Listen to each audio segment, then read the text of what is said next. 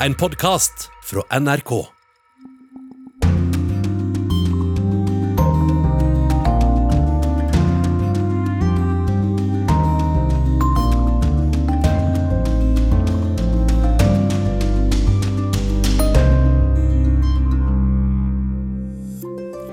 Det som har blitt kalt Europas glemte krig, er så til de grader på vei ut av glemselen nå. Går det mot en ny kald krig i Europa? Ukraina-konflikten følges tett av landenes befolkning, også her i Norge. Jeg har flere venninner som er opprinnelig fra Ukraina, som bor her i Norge. Og um, jeg kan ikke snakke om denne konflikten med dem. Det sier russiske Tatjana. I morgen kommer Taliban til Norge, og hva kan komme ut av de forhandlingene, spør vi. FN bekymrer seg over drapene og volden i Colombia. Denne uka har en tidligere FARC-soldat for første gang forklart seg for FNs sikkerhetsråd.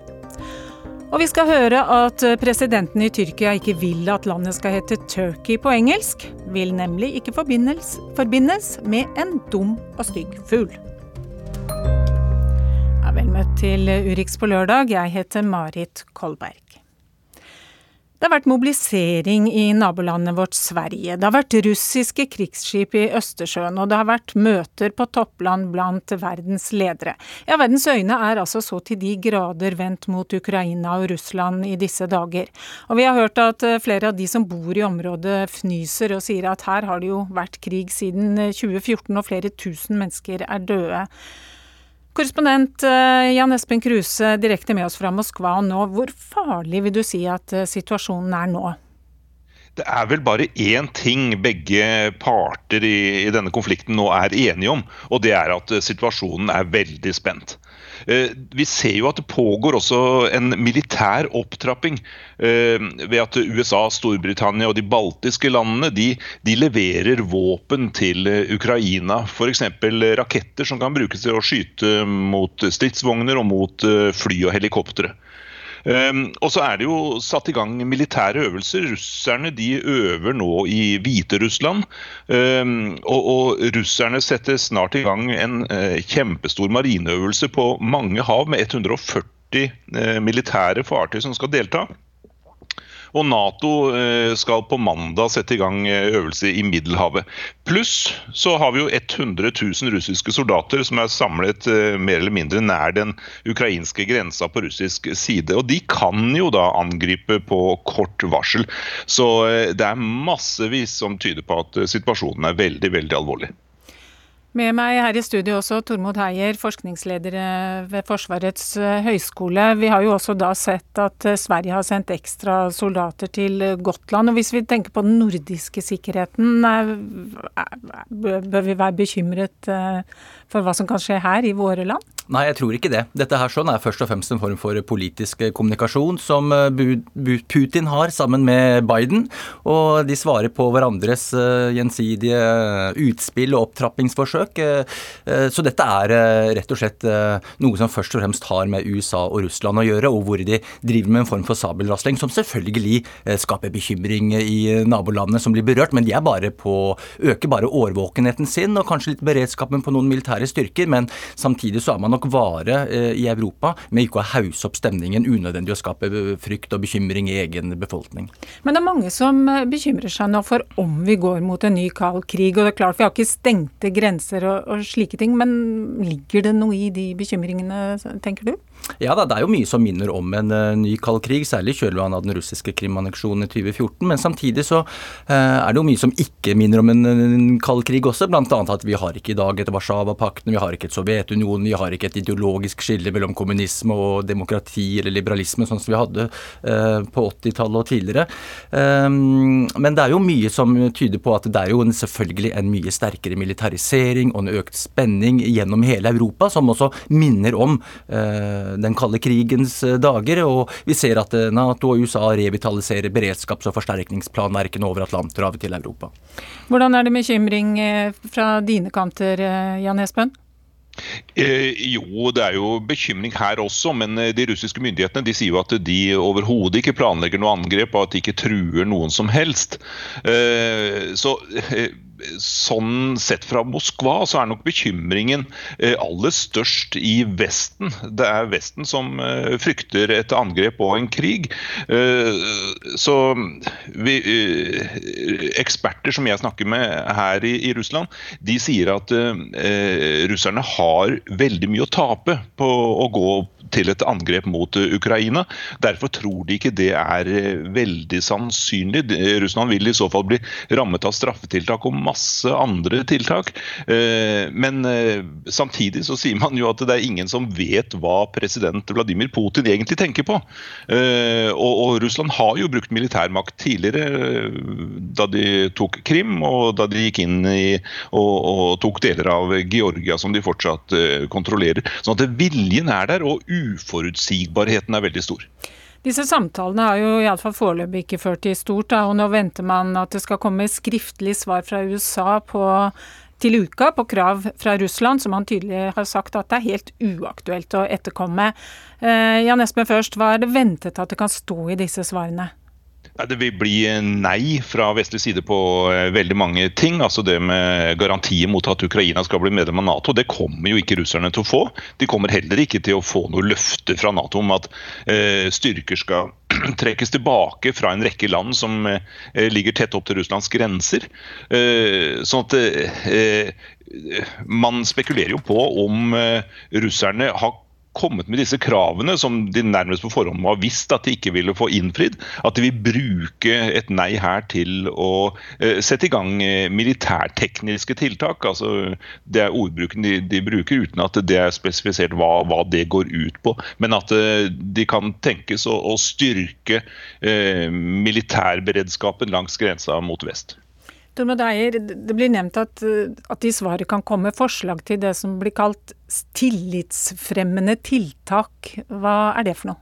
Jo, Det er nok til, tiltak som man fra amerikansk side ønsker på en måte å imøtekomme Russland med, slik at man kan komme seg ut av den krisen man er i nå, hvor man på den ene siden kan støtte Ukrainas rett til selv å bestemme hvor de vil høre hjemme, samtidig som man etter beste evne forsøker å imøtekomme noen av de russiske sikkerhetsbekymringene som går på at det, etter hvert vil begynne å stå altfor mange amerikanske styrker og altfor mange amerikanske missiler tett på de russiske grensene. For det vil jo sette eh, myndighetene i Kreml under et press hver gang det er uenighet mellom USA og Russland. Og Da snakker vi om å ha varsling før man setter i gang øvelser, at man gjennomfører øvelser, men at de skjer lenger borte fra grensene, og at de militære styrkene som er med, ikke er så mange, og at kanskje at de missilene som eventuelt kan bære kjernefysiske eller konvensjonelle sprengladninger, de trekkes lenger unna og reduseres i antall. Og at man kanskje også setter opp nye sånne såkalte hotlines, altså telefonforbindelser mellom de militære hovedkvarterene, slik at man kan lettere oppklare misforståelser og avklare feiltolkninger, slik at situasjonen ikke spinner ut av kontroll hvis det blir en, en krise. Og om det blir noen av disse forslagene du nevner her, det får vi da vite kanskje til uka, når eh, svaret fra USA foreligger. Takk for at du var med her i studio, Tormod Heier, forskningsleder ved Forsvarets høgskole, og kollega og korrespondent Jan Espen Kruse. Og spenningen rundt Ukraina den følges også av mange russere og ukrainere som bor her i Norge. NRK har truffet en russer som sier at det dårlige forholdet mellom de to nabolandene også påvirker vennskap, og en ukrainer som stadig vekk sjekker mobilen for nyheter i hjemlandet. Altfor mye. jeg sjekker Twitter altfor mye, og jeg sjekker Facebook altfor mye. Jeg leser Aftenposten. Eh. Det går nesten ikke en dag uten at nyhetene handler om hjemlandet hennes, Ukraina. USA og Russland starter samtaler om Ukraina i kveld. Kan eh, faren for krig i Europa unngås? Jeg kommer fra, fra Lviv, som ligger ved det polske grense. Natalia Ravn Christensen bor og jobber i Oslo, men hjembyen er Lviv, vest i Ukraina. Det er verdens spennende by. For Natalia er nyhetene om at Russland kan komme til å angripe hjemlandet hennes skumle. Samtidig er hun klar på at Ukraina har vært i krig med Russland siden 2014, da det brøt ut kamper øst i Ukraina. I dag er over 14 000 drept, og over en million har flykta. Ja, det er eh, både skummelt på mange måter, men samtidig så er jeg ofte glad fordi jeg ser at vi ikke er så alene som vi pleier å være. For eh, Ukraina har vært i krig i åtte år. Ukrainian foreign minister said this morning that he's confident of our support and resolve, and he has a right to be. For det er ikke bare Russlands president Joe Biden som har lovet Ukraina sin støtte. Verken Nato eller EU går med på det russiske kravet om at Ukraina aldri må få bli medlem av Nato. Navnet mitt er Tatjana Kruksjank. Jeg er 44 um, år, og uh, halvparten av livet mitt har bodd i Norge. I Bodø følger også russiske Tatjana Khrusjtsjank med på nyhetene. Hun vokste opp på Krimhalvøya da hjemlandet het Sovjetunionen. I 2014 tok Russland kontrollen over området som da tilhørte Ukraina. Først og fremst så syns jeg det, det er utrolig trist at vi i dag snakker om konflikt mellom Russland og Ukraina. Jeg syns det er veldig trist at man kan se overskrifter at eh, Russland eller Putin trapper opp. Nå, nå blir det krig eh, mot Ukraina. Jeg syns det er fortsatt helt, eh, helt latterlig at vi sitter sammen i ja, det, Disse her to landene skal, skal bindes sammen på den måten. Men nå er det alvor. Vår egen statsminister Jonas Gahr Støre sier det er lenge siden vi har sett noe lignende i vår del av verden. Dette er den mest alvorlige sikkerhetspolitiske situasjonen i Europa siden den kalde krigen 1989. Det står altså 100 000 soldater, masse tungt utstyr fra Russland på Ukrainas grense. Og spenningen påvirker også vennskap i Norge. Um, jeg har flere venninner som er opprinnelig fra Ukraina, som bor her i Norge. Og um, jeg kan ikke snakke om denne konflikten med dem. Så vi velger bevisst bort dette temaet, fordi at det går ikke an å diskutere. Det er så mange hard feelings. Uh, og um, man har på en måte sin side av historien. Man, man, man velger bare å se på den ene siden. Man har ikke lyst til å se på den andre. Russland sier at de ikke har noen planer om å angripe Ukraina, og at de sjøl bestemmer hvor i landet styrkene deres kan øve. Og at det i det hele tatt snakkes om krig, er vanskelig for Tatjana. Jeg kan ikke se at det er så stor forskjell mellom oss. Russere og ukrainere, i min forståelse er det ett folk. Er, vi har mange, mye felles historie, mye felles kultur. Språket er veldig, veldig veldig likt. Det er som svensk og norsk. Um, Sånn at eh, Besteforeldrene mine, bestemora mi var, var, russisk, men hun var flytta inn da til Vest-Ukraina. Mm, Gifta seg med bestefaren min. Sånn at russere og ukrainere er, har jo alltid vært gode venner, gode naboer og eh, på en måte i slekt i, på, på, en veldig nær og god måte. Så jeg syns det er helt forferdelig at noen klarer å blåse opp så stor konflikt mellom våre nasjoner. Tatjana skylder på politikerne. Men kan det bli en full krig? Kommer de russiske soldatene som står i grenseområdene til å angripe? Natalia fra Ukraina frykter det verste. Det er veldig, veldig realistisk. Jeg håper ikke det, men det er veldig realistisk. Dessverre. Det, alt peker mot det. Alle fakta peker mot det, selv om vi ikke ønsker å tro på det. Men russiske Tatjana er ikke like sikker. Hun diskuterer ofte med faren sin, som var tidligere offiser i Svartehavsflåten.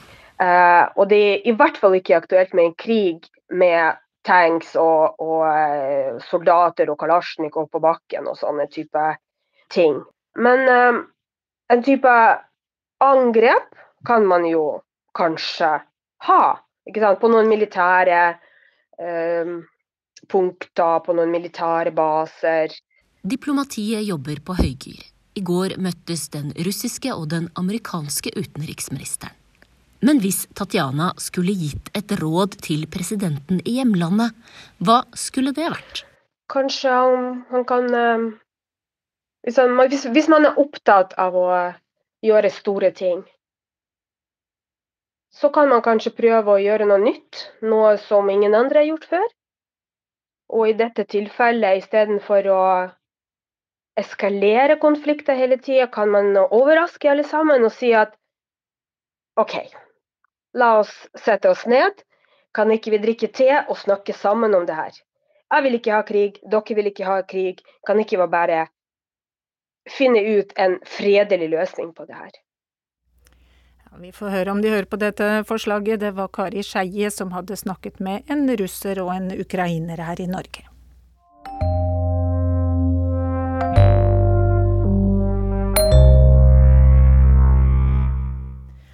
Ja, Noen som iallfall sannsynligvis skal drikke te og snakke sammen, er eh, Taliban, som kommer til Norge for forhandlinger i et tre dager langt besøk i morgen. Og Midtøsten-korrespondent Yama Wolasmal, hva vet vi om det samtalene skal inneholde?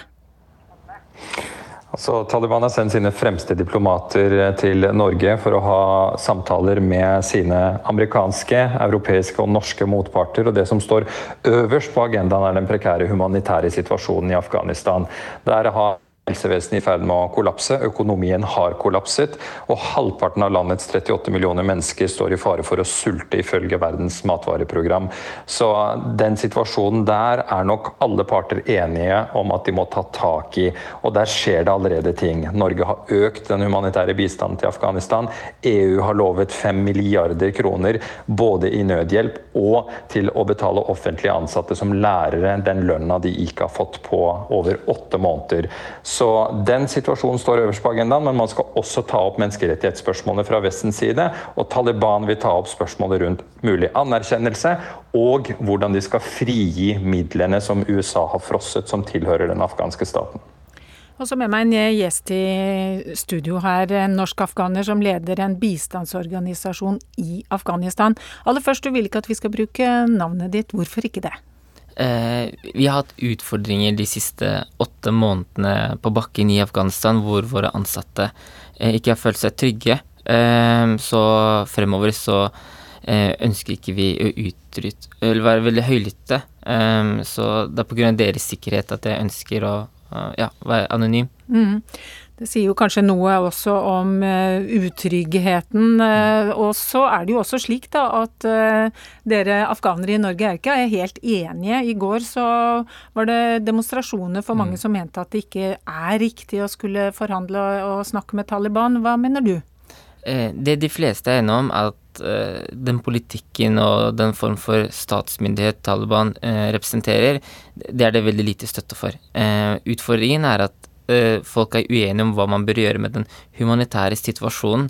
Eh, den er utrolig kritisk, eh, og det er veldig mange rapporter som tilsier at hvis man ikke iverksetter drastiske tiltak nå, så er det flere mennesker som kommer til å miste livet pga. den humanitære krisen enn 20 år med krig.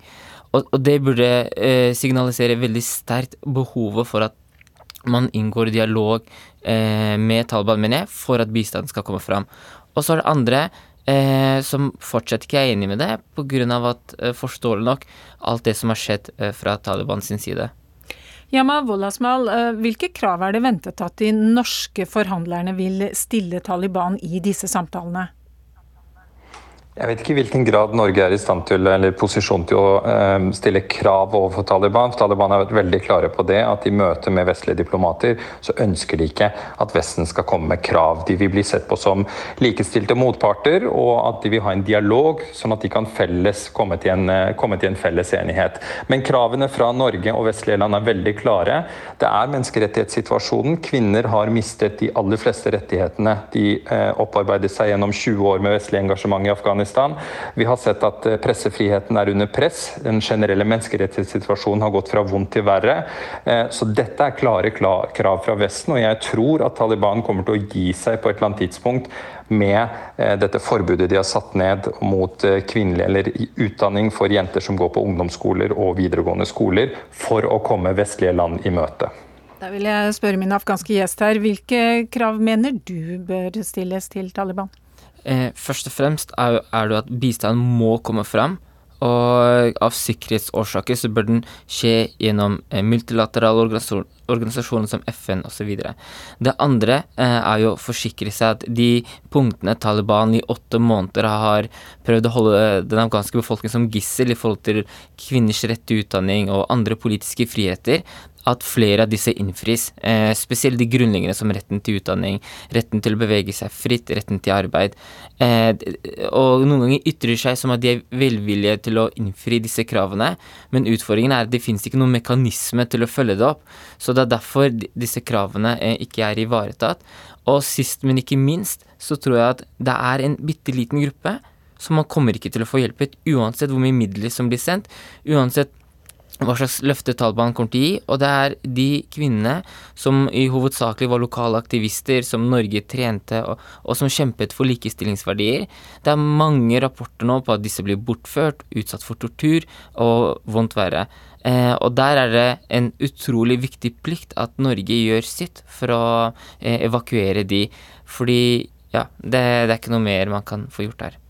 Til slutt, eh, Yamavollah Asmal. Eh, vi hører jo også da eh, rapporter om at Taliban ikke har full kontroll over sine egne folk over hele landet. Hvordan, hvordan skal man kunne sikre seg at den hjelpen som nå eventuelt, eller kanskje skal gis, virkelig når fram og ikke blir utnyttet eller misbrukt av Taliban? Det er en eh, utbredt misforståelse her, misoppfatning, eh, når det gjelder dette med bistand til Afghanistan. For den bistanden har aldri gått direkte til afghanske myndigheter. Heller ikke da vi støttet regjeringene til Karzai og Ghani før Taliban kom til makten. Denne hjelpen går til internasjonale fond, hvor FN og NGO-er kan søke om penger, og derfra henter man også lønninger til lærere, sykepleiere og leger.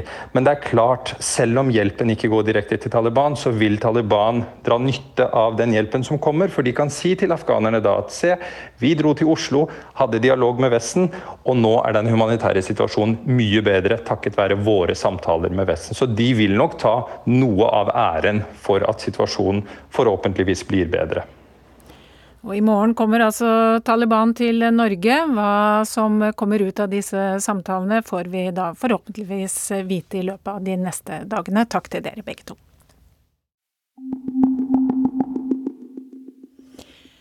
Vi vender blikket mot Europa, for nok en heftig uke i britisk politikk er over, og en ny venter.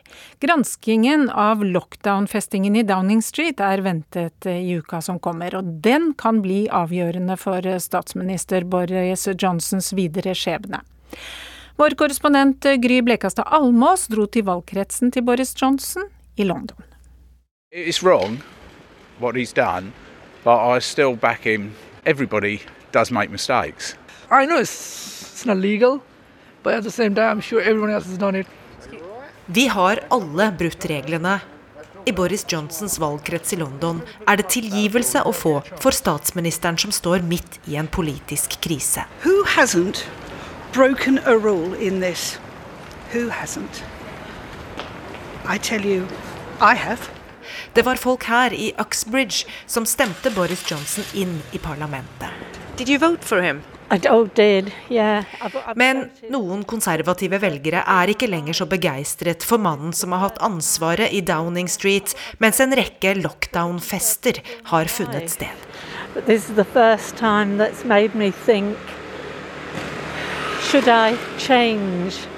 Ursula Robothen er usikker på om hun kommer til å stemme konservativt neste gang.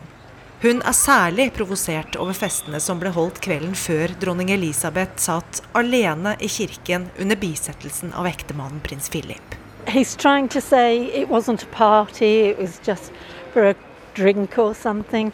No way. You know, and the, I mean, there's people here who've lost family and not been able to see their families for the last time. It's been terrible, really has.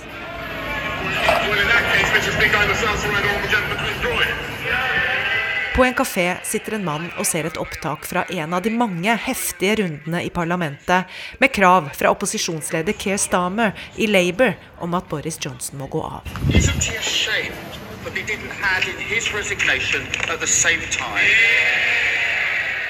Denne uka meldte én konservativ parlamentariker overgang til Labour. En gruppe ferske konservative parlamentarikere fra tidligere Labour-områder i Nord-England truer med å be om mistillitsvotum. Hvis 54 av Johnsons partifeller gjør det, blir det en slik avstemning. Men det ser ut til at mange først vil høre konklusjonen fra en granskning av festingen som er ventet til uka. Presset er enormt, selv blant tidligere regjeringsmedlemmer. Den tidligere brexit-ministeren David Davis brukte et sitat fra en tidligere parlamentsdebatt da han ba Boris Johnson om å gå. So altogether too familiar to him of Leo Amory to Neville Chamberlain. You have sat there too long for all the good you have done. In the name of God, go. Oliver Cromwell skal ha vært den første til å ytre disse ordene. Men Leo Amory gjorde dem kjent da han kritiserte statsminister Neville Chamberlain for sendrektighet da Norge ble invadert av nazistene i 1940. Brex- former Brexit Secretary, some of the reason he recognised David Davis is telling him to go and that he's lost another one of his MPs. And that can Utenfor det britiske parlamentet rapporteres det konstant om den pågående politiske krisen her i Storbritannia. Blant reporterne er Darren McCaffrey. Han snakker med den tidligere brexit-generalen Nigel Farage om det som har skjedd. Let's cross to Westminster and join Darren McCaffrey, GB News' political editor. Farage, som har ledet både det britiske uavhengighetspartiet UKIP og Brexit-partiet, er nå programleder i den nye nyhetskanalen, som blir sammenlignet med amerikanske Fox News. Who did you think won that battle of the two today? Ways the Prime Minister uh, did, and I Politisk redaktør i GB News, Darren McCaffrey, tror Boris Johnson må gå. in all honesty, it's probably more likely uh, than not that he may well have to go, that his MPs, his own party, might well kick him out of government. What is the alternative to Boris Johnson? Well, this, to be fair, is actually one of the big issues that MPs are going to have to think about uh, because there's no obvious successor to Boris Johnson. This is Problemet for politikerne som vurderer å kaste Johnson, er at det ikke står en opplagt etterfølger klar, sier McCaffrey. I Boris Johnsons valgkrets veier også de konservative velgerne fordeler og ulemper. The, the trouble is, I can't make a decision at the moment. Ursula Robotham vet rett og slett ikke hva hun skal gjøre. Will you vote for him again? Uh, that's a big. Normally, I would say definitely, but at the moment, I can't say I would vote for him again. I wouldn't. I can't say it. Ja, Ursula Robotham er eh, usikker altså på om hun vil eh, stemme på Boris Johnson. Kanskje det blir avgjort når granskingen av festene til eh, statsministerens kontor kommer denne uka. Colombia har blitt rystet av flere brutale drap og angrep de siste ukene. Senest, natt til torsdag eksploderte en bilbombe nær grensen til Venezuela, eh, og myndighetene mener avhoppere fra FARC-geriljaen hadde plassert bomben der. Tidligere denne måneden ble rundt 30 mennesker drept i den nordøstlige Aracua-regionen, og mange hundre mennesker flyktet fra området. Og denne uka var situasjonen i Colombia tema for Sikkerhetsrådet i FN. Muy buenos días para todos.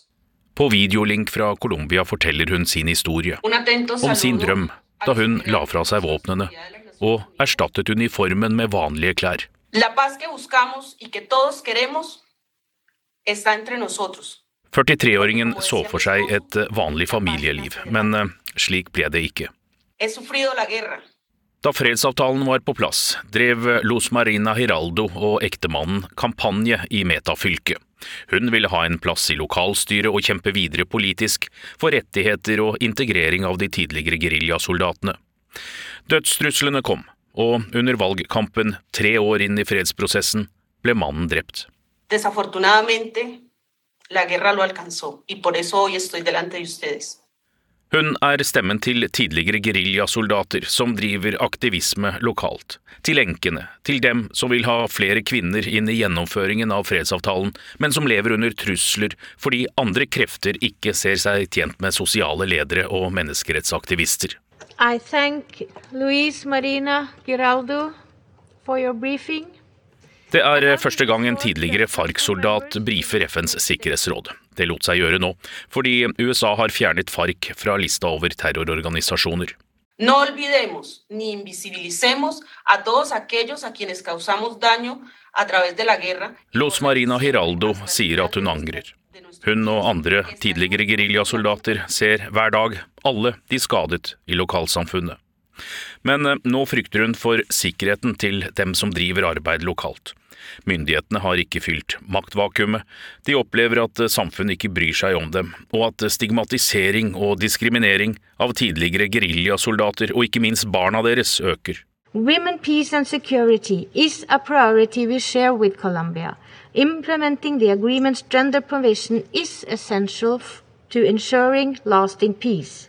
FNs sikkerhetsråd, som eh, er under norsk ledelse denne måneden, oppdateres på freds- og forsoningsprosessen i Colombia. Det er over fem år siden fredsavtalen ble undertegnet, og gjorde slutt på over 50 år med borgerkrig mellom regjeringen og den største geriljaen i det søramerikanske landet. I now give the floor to those council members who wish to make statements.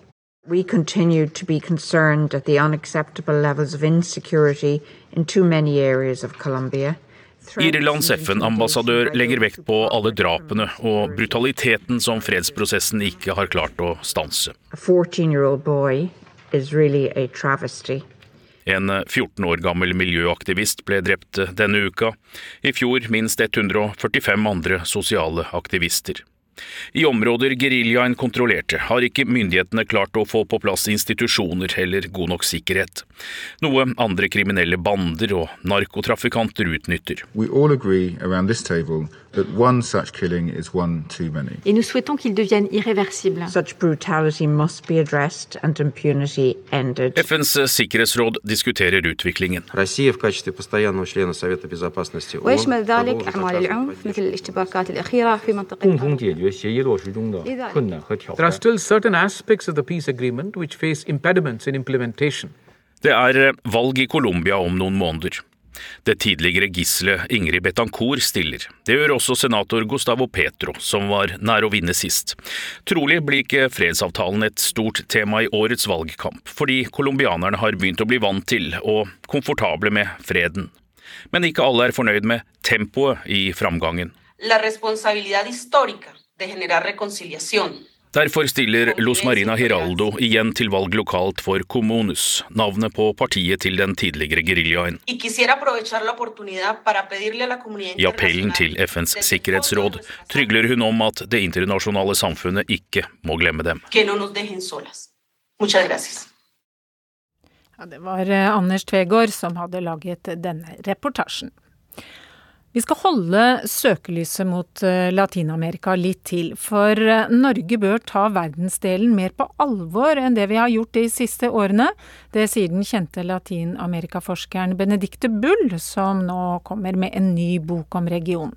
Denne verdensdelen er veldig underprioritert i norsk uten, utenrikspolitikk, mener hun.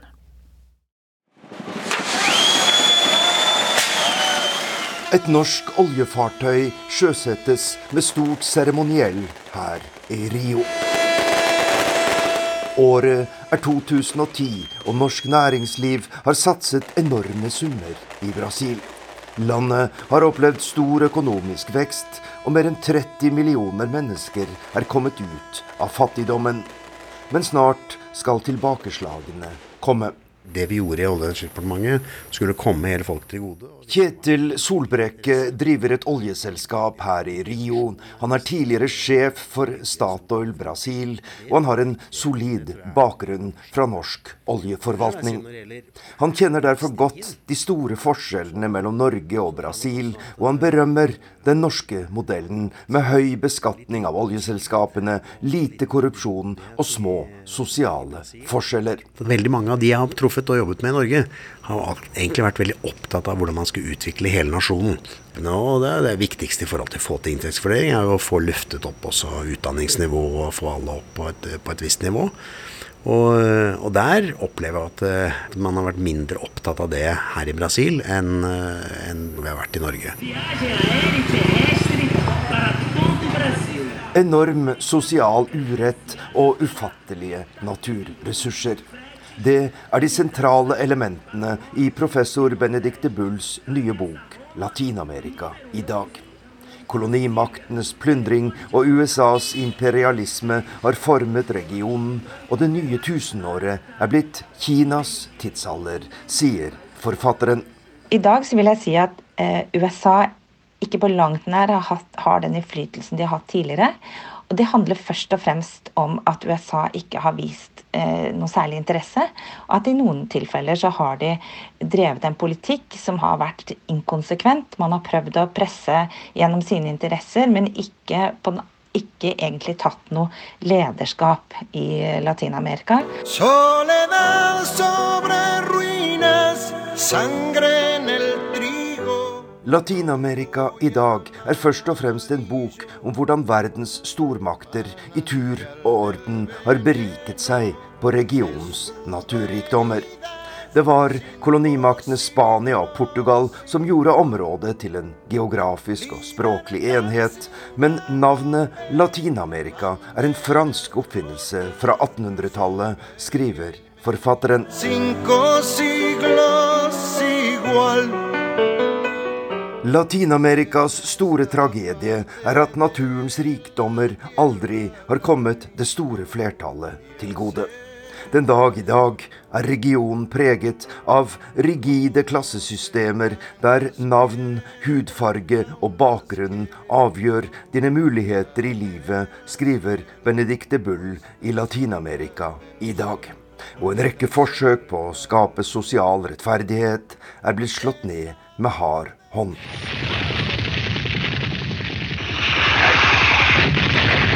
Militærkuppet i Chile i 1973 ble støttet av USA.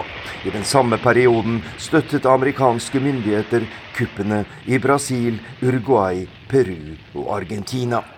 Mønsteret var det samme å fjerne venstreregjeringer med en sosial agenda. Men slike regjeringer har også selv bidratt til sosial tragedie. Prepárense para defender la patria. Esta es la causa más justa. Forbered dere på å forsvare fedrelandet, sier Venezuelas leder Nicolas Maduro til sine militære. Den såkalte bolivarianske revolusjonen har gjort landet til Latin-Amerikas fattighus. 80% av familiene lever i ekstrem fattigdom. Fem millioner venezuelanere har flyktet, og oljeproduksjonen er på 12% av det den var i 2015, kan man lese i boken 'Latin-Amerika i dag'. Norges rolle i Latin-Amerika er krevende, med store investeringer i olje, aluminium, oppdrettslaks og energi, og et nært forhold til USA, samtidig som vi ønsker å være et foregangsland når det gjelder klima og miljø, menneskerettigheter og fredsarbeid. Professor Benedicte Bull mener norske myndigheter nå må ta Latin-Amerika mer på alvor. Latin-Amerika sånn generelt er veldig eh, underprioritert i norsk utenrikspolitikk. Det får jeg stadig tilbakemeldinger på, faktisk, fra, eh, fra, representanter for myndigheter der. At man føler seg ganske ignorert, på tross av at Norge er en viktig investor, og at eh, vi eh, på papiret ønsker eh, kontakt. Nunca nadie pensó besarte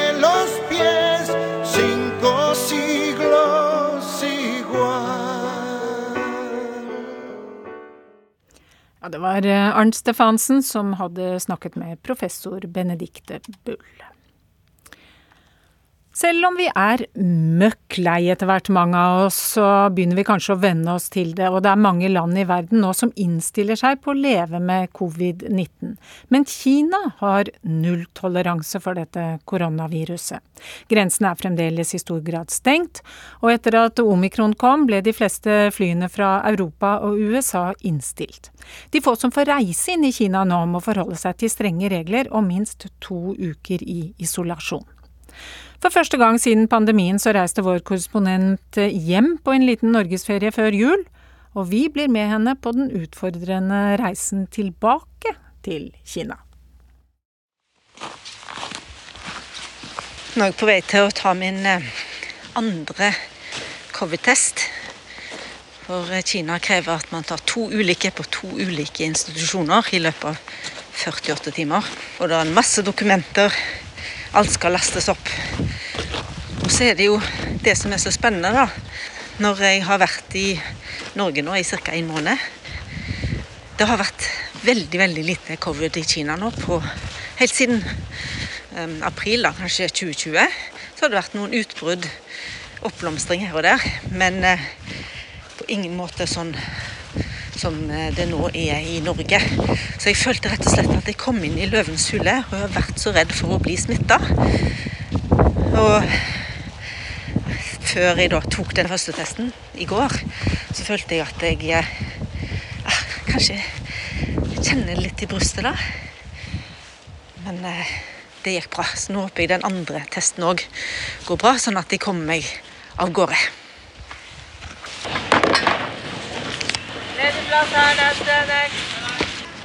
Gjennom nåløyet så langt, og inne på Gardermoen. Neste etappe blir eh, to nye tester i København.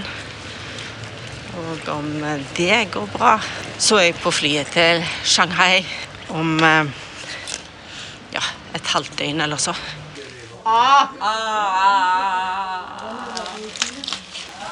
Den neseprøven, den var vond. Ja, de er ikke behagelige. Men jeg har tatt to i Oslo. Det var ikke så vondt. Men den her var veldig ubehagelig. så grundig. Sånn. Takk. Det var det. Nå har jeg nettopp fått vite at dette er sannsynligvis det siste flyet på fire-fem uker til eh, Kina.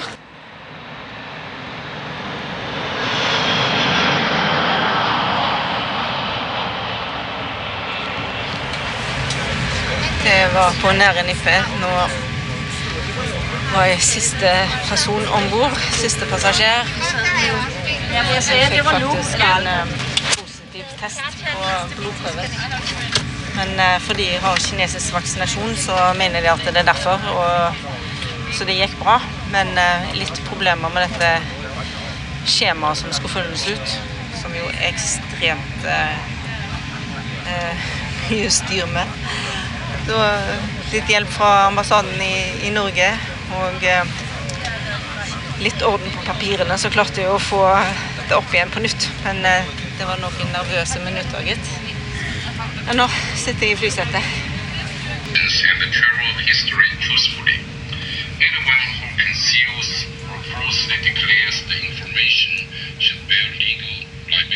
Thank you for your cooperation. 请打开海关健康申报二维码以便检查。Please open the QR code of Customs Health Declaration for inspection. Keep it on and do not close it. It needs to be used in the future. Jeg syns det har vært så vondt i det der testen de der, at nå begynte jeg å grine når hun satt der borte. Det var så vondt. Tårene bare pipla ut av meg. Nå står vi i eh, kø til å dra til hotellet. Det er ei hele bunke med pass her.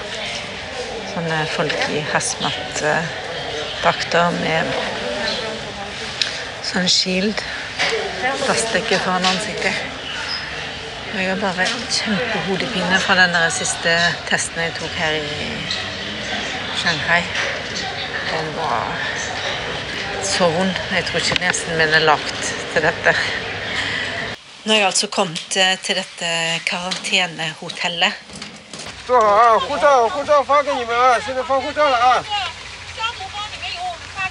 坐好啊，护照护照发给你们啊，现在发护照了啊。张颖书，我自己找我的房间是吗？对，上面有有人知道你们吗？ Dørene lukkes.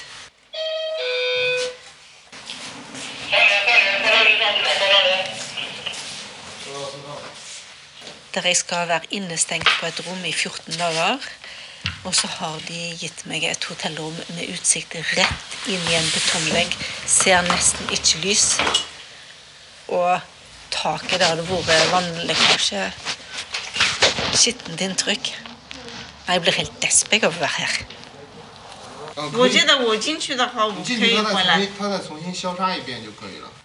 De sier at det er helt fullt på hotellet. De har ikke noe annet rom å gi meg. Ikke får jeg flytte hotell heller.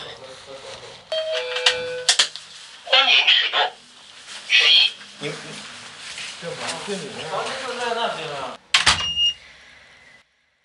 Jeg fikk forhandla meg til et rom høyere opp, med utsikt. For en glede. Snakkes om to uker, verden. Vi skal vel kanskje snakke med Kjersti Strømmen eh, før den tid også. Vi håper at det ikke tar altfor lang tid, denne karantenen i Kina. Tyrkia, det skal ikke lenger hete Turkey på engelsk hvis eh, presidenten i landet får det slik han vil. Og får han gehør, så blir Tyrkias offisielle internasjonale navn heretter Turkiet. For landets ledere vil ikke at landet skal forbindes med en dum og stygg fugl. Om du googler 'Turkey', får du opp alle slags bilder av kalkuner. Noen vandrer levende rundt, mens andre ligger ribbet og helstekt på et fat, dandert med litt grønt og oppskårede epler. Dette liker ikke konservative og nasjonalistiske tyrkere, som vil at landet deres skal fremstå som en stolt stormakt, og ikke assosieres med et stort fjærkre, en matrett til en kristen høytid, eller, gud forby, filmer som har floppet helt. Se i Cambridge Dictionary, og Turkey er definert som noen som feiler, eller en dum person. Det skriver den statlige styrte TV-kanalen TRT. Og turkey er en stor fugl som hører hjemme i Nord-Amerika, kjent for å bli servert på julemenyer eller thanksgiving-middager, heter det videre. Og nettopp spesielt rundt thanksgiving, altså 24. november, står kalkun, turkey, i sentrum. Og kanskje var det derfor president Recep Tayyip Erdogan foreslo et navneskifte sist desember. I et memorandum ba presidenten alle tyrkere om å begynne å bruke Tyrkiet på alle språk. For ordens skyld, Tyrkia heter Tyrkiet på tyrkisk. Fra gammelt av betyr navnet Tyrkernes land, og kanskje er det islendingene som treffer best. De kaller landet for Tyrkland. Erdogan mener at navnet Tyrkiet er det beste uttrykket for det tyrkiske folks kultur, sivilisasjon og verdier. Presidenten har nå bedt alle bedrifter og fabrikker om å stemple produktene sine 'Made in Tyrkia' i stedet for 'Made in Turkey'. Og informasjonsdirektøren hans, Faretin Altun, har satt i gang kampanjen på Twitter. Hello, I en påkostet PR-video følger vi en turist som akkurat har landet i Istanbul, og som ringer moren sin. Hey mom, I just landed. Oh, hello, Turkey. hello, Turkey. Begge har fått med seg hva de skal kalle landet, i likhet med alle turistene i denne kampanjevideoen.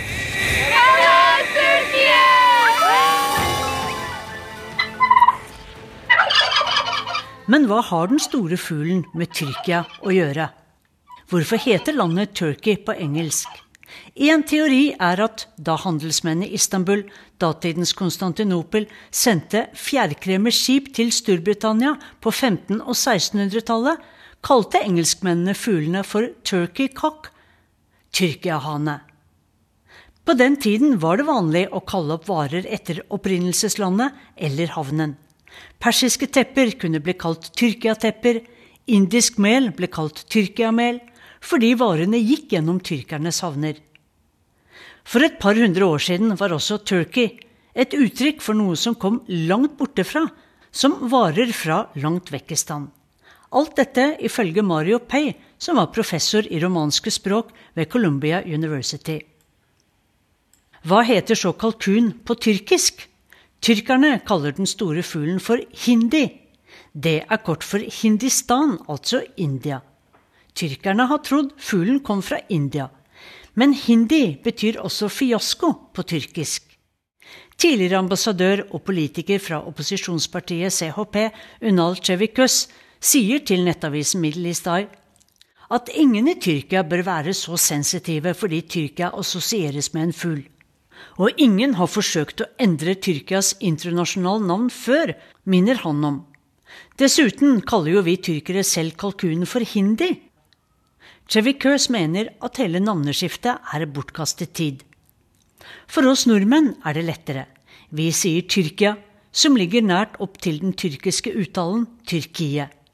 Men om Erdogan får det som han vil, skal også vi si Tyrkiet. Hello, Turkey! Sissel Wold som hadde laget denne saken. Fjoråret var året da krigen i Etiopia preget nyhetene fra Afrika. Samtidig var det ikke mulig å få kommet seg inn i landet for NRKs Afrikakorrespondent Ida Titlestad Dalbakk. I ukas brev forteller hun om en reise til grenseområdet. De er spioner. Sett fra deg bilen og gå tilbake til den kenyanske siden av grensa. Utlendingene kan du la være igjen her. Grensevakten holder passene til fotograf Trygve Heide og meg i hånda. Han hever stemmen når han snakker til sjåføren vår på amharisk. Vi sitter i bilen på den offisielle grenseovergangen mellom Kenya og Etiopia i byen Moyale. Kommer vi til å få tilbake passene våre, eller vil vi bli anholdt? Spørsmålene i hodet er mange. Noen timer tidligere er småflyplassen Wilson farget i et blålilla morgenlys. Piloten, som heter Addis, gjør Cessna-flyet klart til avgang. Vår lokale medhjelper Diana, Trygve og jeg får akkurat plass inne i flyet. Propellene starter og vi tar av over nasjonalparken i Kenyas hovedstad Narobi. Under oss blir akasietrærne mindre og mindre. Et par sebraer gresser mens sola er på vei opp. Piloten peker ut av vinduet på en fjelltopp som strekker seg mot himmelen gjennom skylaget. Det er Afrikas andre høyeste fjell etter Kilimanjaro.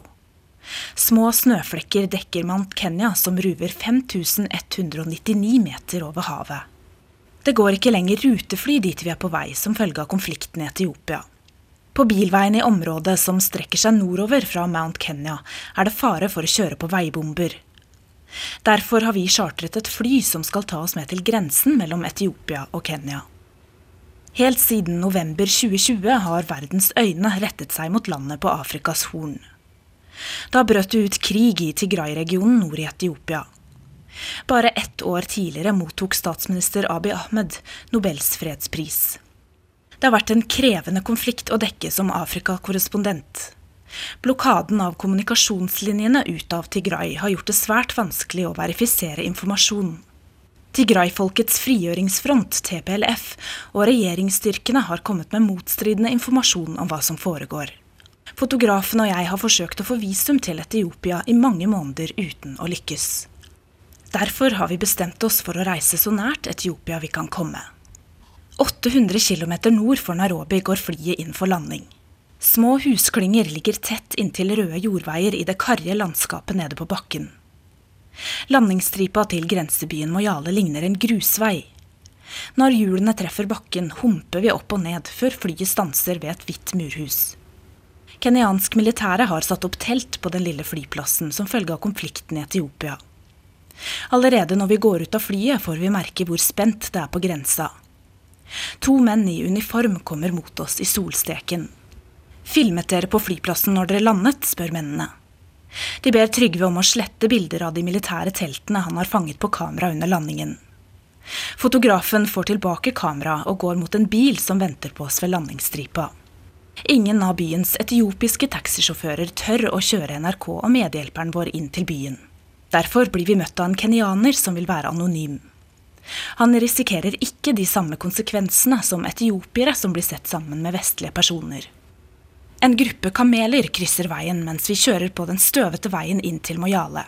De ser ikke ut til å merke mye til spenningen langs grensa. Kamelene trasker rolig av gårde med tunge føtter. Sjåføren prater vei mens vi kjører inn til grensebyen. Han sier vi må være forsiktige dersom vi vil intervjue etiopiere. Etiopiere som blir sett sammen med vestlige, kan bli skutt og drept. De kan bli arrestert og torturert. Etiopiske myndigheter har mange spioner her. Noen av dem jobber på hoteller eller som rengjøringspersonale. De er overalt. Spionene lytter og skaffer seg informasjon, sier sjåføren. I fjor ble FN og andre hjelpeorganisasjoner beskyldt for å samarbeide med TPLF i Tigray. Derfor vil ikke etiopiere bli sett sammen med vestlige i Moyale. Inne i grensebyen går livet som normalt på overflaten. Selgere har lagt ut sko i alle farger og fasonger langs veien. Andre har dandert appelsiner og epler i små pyramider på skjeve trebord. Til tross for at livet går rolig for seg nå, forteller sjåføren at de fleste i byen har våpen i hjemmene sine. I et av husene i byen treffer vi en mann fra Tigray som er villig til å ta risikoen og vil prate med oss. Fotografen filmer bare hendene og føttene hans. Mannen i 20-årene forteller at han har prøvd å få asyl i Kenya. Han er redd for å bli arrestert dersom han reiser tilbake. Plutselig sier medhjelperen vår at vi må stoppe intervjuet for at vi ikke skal bli oppdaget. Vi stanser umiddelbart. På den offisielle grenseovergangen diskuterer grensevaktene høylytt med sjåføren vår. Omsider snakker han seg ut av situasjonen, og vi får kjøre tilbake til den kenyanske siden av grensen. Etter å ha forsøkt å komme inn i Etiopia i et år, blir jeg fortsatt nektet inngang. Etter å ha tilbrakt formiddagen i Moyale er det mange som vet at vi er der. Når vi kjører bil, dukker de samme tre mennene opp på moped på ulike steder. Vi går opp på et tak for å filme oversiktsbilder. Også der blir vi overvåket. En mann henger plutselig opp klær noen meter fra oss på hustaket. En annen sitter på en skammel og rører rundt i noen bønner i en plastbalje mens han stirrer på oss. Begge mennene har vi sett gjentatte ganger gjennom dagen på ulike steder i byen. Vi bestemmer oss for å reise tilbake før tiden.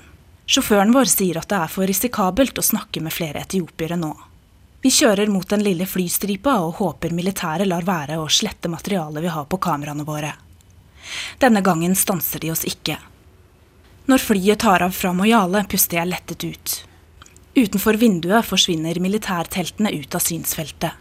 De få timene i grensebyen har på nytt vist meg at vestlige journalister som vil dekke situasjonen i Etiopia, ikke har enkle arbeidsforhold. Omsider ser jeg et snødekket Mount Kenya i horisonten. Reisen er snart over for meg og fotograf Trygve. Kanskje må jeg fortsette å dekke konflikten utenfra også i 2022. Ansvarlig for denne sendingen var Lisbeth Selreite, Erlend Rønneberg og Marit Kolberg.